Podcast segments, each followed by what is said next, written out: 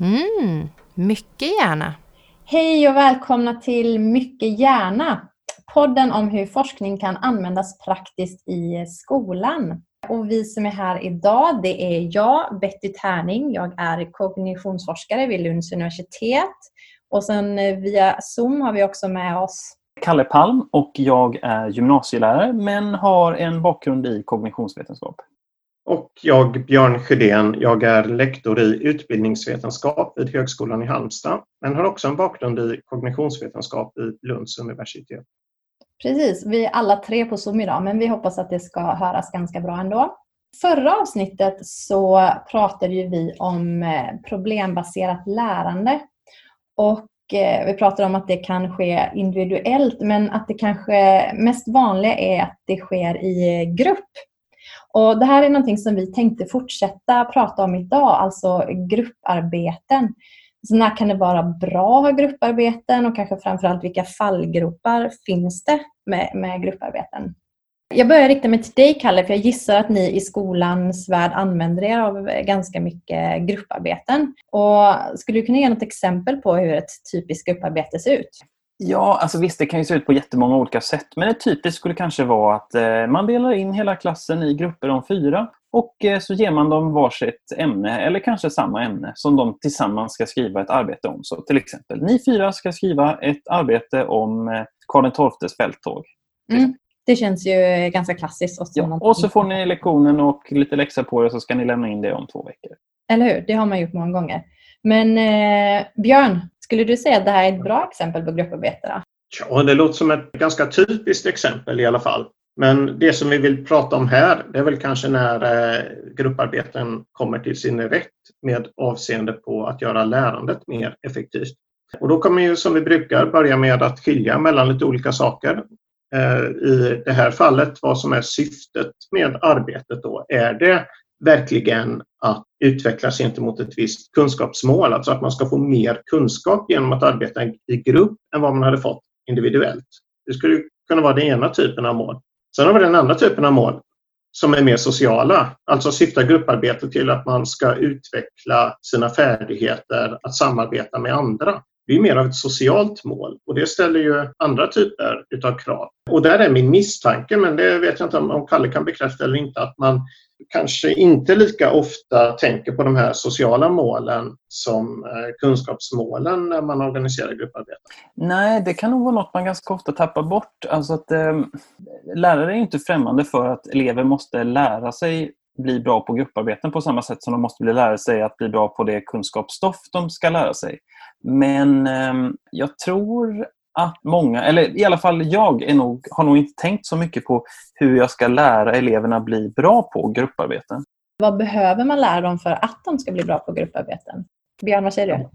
Vad forskningen säger i alla fall att eh, man måste ta hänsyn till eh, vissa faktorer för att det här eh, utbytet ska fungera. Så om man ska sammanfatta det väldigt brett så skulle jag säga att det handlar om ett hur, hur det här grupparbetet ska gå till och så handlar det om ett vad, nämligen vad man ska göra. Det vill säga man behöver någon form av arbetsordning som ska fungera i gruppen och så behöver man en uppgift som lämpar sig att göra i grupp så att det inte blir samma typ av uppgift som var och en hade kunnat göra individuellt, även om det hade gått mer eller mindre bra för dem. Eh, och där visar ju tyvärr forskningen, det är ju lite nedslående då, att eh, det visar sig att eh, till och med i de flesta fall så blir resultatet av ett grupparbete sällan bättre än vad den mest kompetenta individen i gruppen hade kunnat prestera på egen hand. Det vill säga man fallerar ofta i den planeringen och organiseringen av arbetet för att det verkligen ska vara effektivt. Så du menar alltså att även om man är i, i grupp och hjälps åt så kommer resultatet inte bli bättre än vad liksom den bästa personen i gruppen hade presterat själv? Ja, och resultatet av hela gruppen kommer knappast heller att bli bättre än, än genomsnittet av individerna i gruppen. Så då hade man lika gärna kunnat göra det själv egentligen? Ja, och där kommer jag väl in på en eh, fråga där jag undrar lite grann själv hur det ser ut i, i praktiken. Men min egen erfarenhet säger väl att man eh, oftare använder grupparbeten av praktiska och administrativa skäl än av kognitiva skäl kanske som vi pratar om här. Alltså att man ska lära sig tänka bättre och lära sig mer effektivt och så. Utan att det är mer att oj, nu får vi kanske bara en fjärdedel så många arbeten att bedöma som lärare.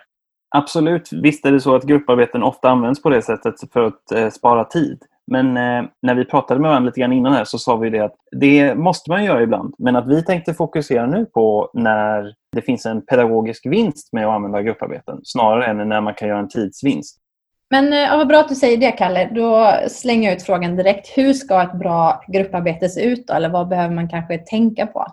Ja, eh, det finns de som har sammanfattat en del faktorer som man behöver ta hänsyn till. Och man kan börja med den här hur-frågan. Då. Hur, ska, hur ska det se ut i gruppen? Hur ska det gå till? Och för att vara lite kort här, bara räkna upp de fem eh, viktigaste faktorerna eller så, så kan vi prata lite mer om dem. Så brukar man tala om att det ska finnas en, en gemensam uppmärksamhet i gruppen. Så man helt enkelt pratar om samma sak. Man måste kunna lyssna på varandra. Det ska finnas utrymme att dela med sig till varandra. Man måste kunna samordna eller koordinera sina insatser i gruppen. Man måste kunna ta olika perspektiv. Man måste kunna få gehör för olika perspektiv på den här uppgiften. Det kan ju låta som mycket att behöva tänka på på en gång men, men, men den övergripande poängen är liksom att lärare i regel inte tänker på det här innan utan det kanske snarare är så att man har en uppgift och så säger man att den här ska göras i grupp.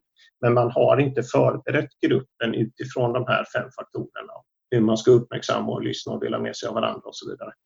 Något som jag blev lite nedslagen av i eh, en av texterna som vi läste tills idag var ju att det här med att ge olika eh, personer av en grupp en, en specifik roll. Till exempel du ska se till att ordet fördelas och du ska se till att eh, någonting annat och sådär. Att det faktiskt inte verkade ha någon effekt. Utan att eh, eh de som hade varit med om ett sådant grupparbete var lite mindre positivt inställda till grupparbeten än de som hade bara haft vanliga grupparbeten.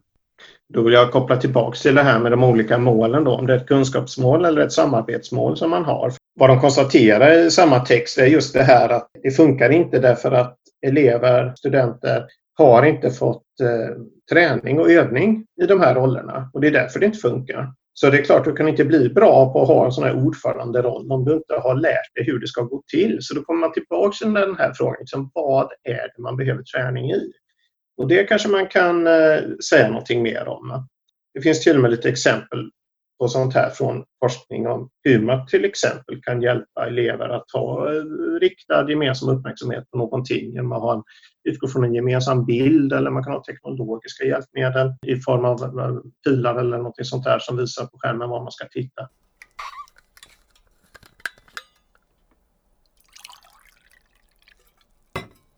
Ja, alltså grupparbeten är ju verkligen någonting, ett, liksom en, ett exempel på någon sorts social interaktion. Och jag reagerade på ehm, en annan sak i den här texten, The ABC of How We Learn, som var att det ska, ett krav för att det ska finnas en poäng med en grupparbete är att eh, deltagarna ska ha någon sorts eh, ömsesidig liksom, nytta av varandra. Men också att alla individuellt kan ställas ansvariga för vad gruppen har producerat för någonting. Och Det här är ju jättesvårt tycker jag. Att framförallt den här sista, mm. eller båda två egentligen, att, att man ska verkligen ha nytta av att vara beroende av varann. För eh, mm. det är inte lätt att få till en sån situation. Och ännu svårare kanske att se till att eh, varje individ ska kunna hållas ansvarig för gruppens arbete. För det, det blir lätt mm. att säga, ja då ska ni lämna in en individuell text också.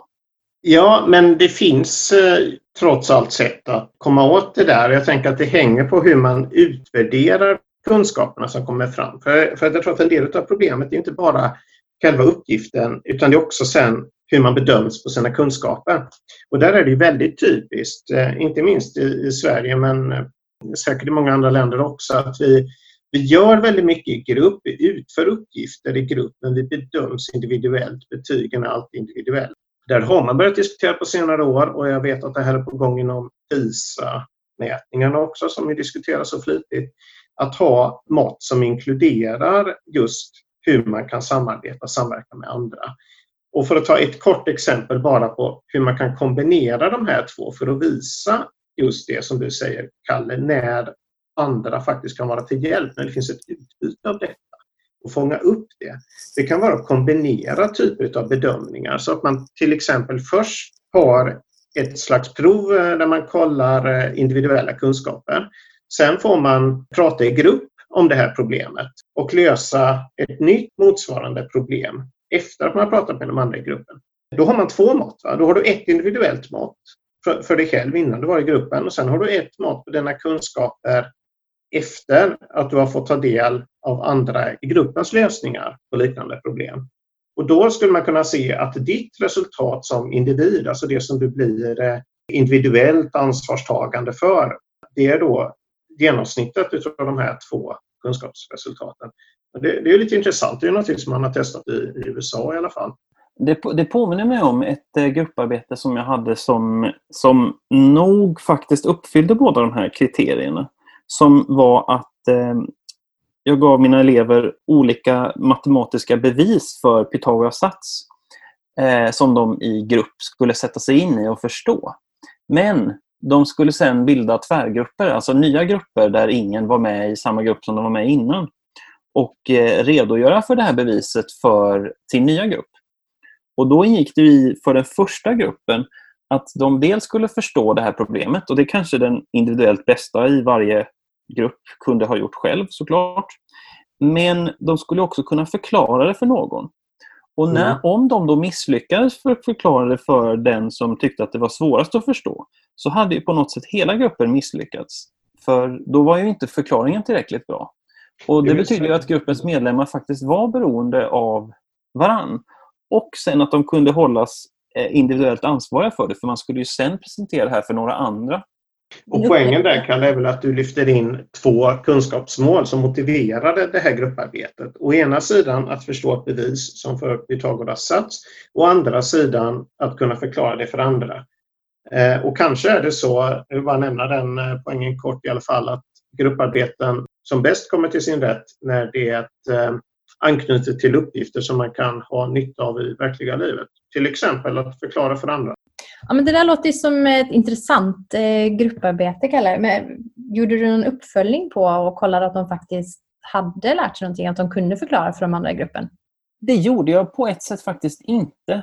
Eh, utan medans det här pågick så gick jag runt och tittade hur det gick för dem och såg att eh, för vissa grupper gick det väldigt bra och andra satt väldigt tysta och nöjda och tyckte de hade klarat av det på fem minuter. Då fick jag ju ställa liksom lite kontrollfrågor och Mm, försöka eh, ställa ställa mot väggen lite grann och så började de jobba igen eh, och insåg att det fanns mer att diskutera. Men eh, ja, jag vet inte riktigt hur man på ett bra sätt skulle testa att de fått med sig. Naturligtvis hade vi ett prov om det här.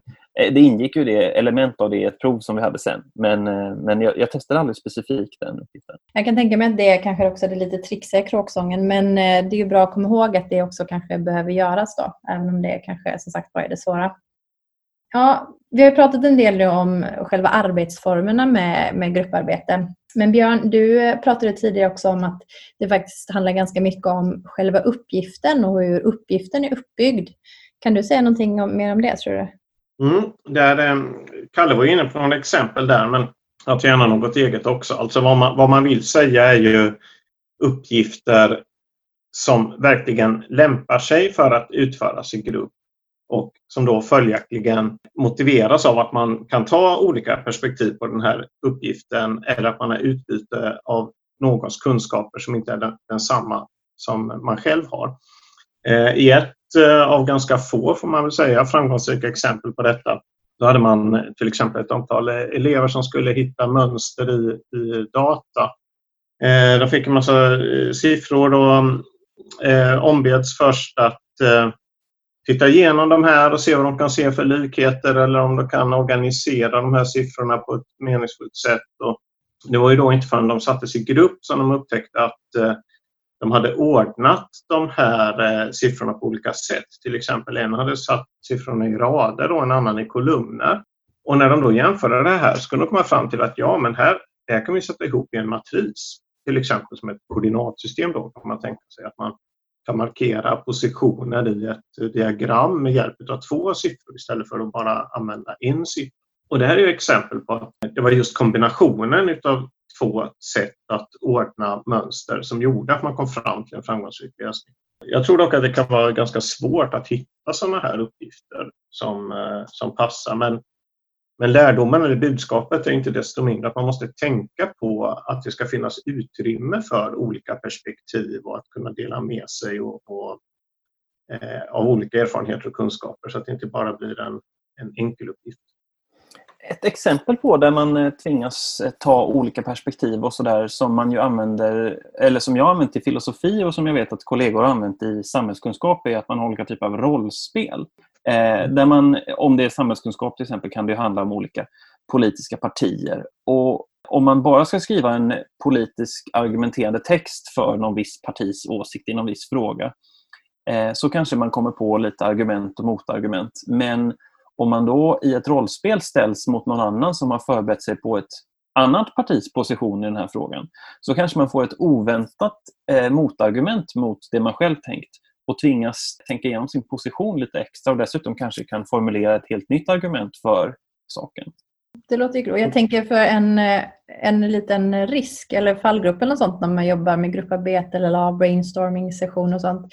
tänker jag Det är väl att om någon tar ledningen, som jag gissar ofta är fallet, så leds man ju också ofta in på samma liksom tankebanor. Om det är särskilt någon som kanske är ganska stark i sin position så är det väl lätt att man liksom hela sen gruppen följer, följer liksom, ja, samma tankebanor istället för att man då kanske själv mm. först tänka som individ och sen att man samlas som ett grupparbete. Då har man olika ståndpunkter från början kanske och sen så kan man uttömma dem tillsammans. Ja, och den risken som du nämner Betty, det är det som ligger bakom det som man kallar groupthink på engelska ibland. Att man, eh, alltså att hela gruppen tenderar att konvergera mot ett visst tänkande, inte på basis av att det är bättre utan bara för att det ska vara lika för alla och det kan leda till ganska katastrofala följder om det nu görs i, i verkliga sammanhang. Men eh, återigen att, att det finns ju saker man kan tänka på för att motverka sånt och det är väl det som är det främsta budskapet här. Där har man listat olika faktorer från eh, forskning. Då, att man, man ska vara explicit, man ska bestämma sådana här normer från början. Att eh, ingen är klar förrän alla är klara i en grupp och alla måste få en chans att, att prata. Man måste eh, liksom ställa frågor till varandra. Man kan nästan göra ett tema för det här. Va? Och formulera en plan för hur arbetet ska gå till. Och... Ja, det, och det behöver inte vara att eh, det är en person som leder som tar kommandot och leder gruppen. Och Det finns ju också med i den här eh, texten som vi refererar till i dagens avsnitt att om man har en brainstorming-session och en person säger någonting så associerar de flesta utifrån det som redan har blivit sagt snarare än att tänka fritt. Och, och, ett konkret tips där är just att man börjar med att skriva ner ens egna tankar själv och sen få möjlighet att diskutera i gruppen. För då mm. har man med sig mycket fler perspektiv. Det är nästan då ett självvärderingsinstrument i linje med det som du nämnde innan, att man i alla fall på något sätt utnyttjar möjligheten att först dokumentera, vare sig du gör det själv eller om läraren gör det, vad, vad, vad man har för kunskaper individuellt. Och så har man en gruppuppgift och sen efteråt ser hur det har förändrats. Jag skulle bara vilja återkomma till de här punkterna du tog upp, Björn, precis. Och om man tänker på det så låter det faktiskt det låter ju väldigt svårt eh, med grupparbeten och det, det känns som det krävs en ganska stor mognad för att kunna liksom se till att alla får prata och att alla får liksom säga vad de tycker och tänker och att ingen ska ta över kommandot sånt. Är det ens möjligt Mm. Alltså, väl, välstrukturerade uppgifter har ju visat att det är möjligt men som alltid lite av ett standardsvar så kräver det mer av läraren då att förbereda de här uppgifterna. Och Det som vi kan prata om här det är väl mer om alltså, vad det är man behöver upp, förbereda och att uppmärksamma att detta faktiskt är ett krav, att, de inte, att man inte arbetar i grupp spontant bra och att man faktiskt behöver ta hänsyn till andra saker när man jobbar individuellt.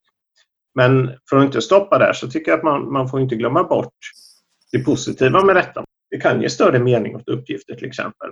Eh, man kan bli mer motiverad av att samverka med andra än man hade gjort samma sak ensam. Eh, och då kommer det in emotionella och sociala faktorer och sånt som vi inte ska underskatta heller. Kalle, vi brukar ju på slutet fråga dig lite kort om vad, vad du tar med dig från dagens eh, samtal. Ja, det jag främst tar med mig är ju det här med att man verkligen måste tänka på vad som är lämpligt att gör, ha med i ett grupparbete. Alltså eh, att man måste tänka på syftet väldigt mycket innan man gör det. Eh, alltså det pedagogiska syftet eh, och mm, ja, vad som passar som ett grupparbete och vad som inte gör det. Precis, det är en jätteviktig poäng. Och för att sammanfatta så har vi idag pratat om ja, grupparbete och, och bra grupparbete. Och i ett bra grupparbete så kan man få stöttning i att komma vidare eller längre i sin kunskap. Och Den här stöttningen kan man ju då få genom gruppen. Men för det så krävs att gruppen är väl sammansatt och att man har ett gemensamt mål och att varje individ känner att de kan och att de också får bidra med någonting i, i gruppen. Och utöver det så måste man också tänka på uppgiften och läraren måste ju här välja en uppgift som faktiskt lämpar sig för grupparbete. Ja, så det vi har velat visa med det här avsnittet det är att gruppuppgifter behöver faktiskt vara någonting annat än en individuell uppgift. Och Det gör att man faktiskt kanske behöver tänka på andra saker som eh, lärare. Och för den som vill veta mer om vad man behöver tänka på så eh, lägger vi till en liten referenslista också där vi lägger upp eh, avsnittet. Så där går jättebra att läsa vidare. Slutligen så vill vi tacka Lunds universitets samverkansinitiativ Tillsammans över tröskeln till framtidens klassrum. Vi vill också passa på att tacka vår producent Trond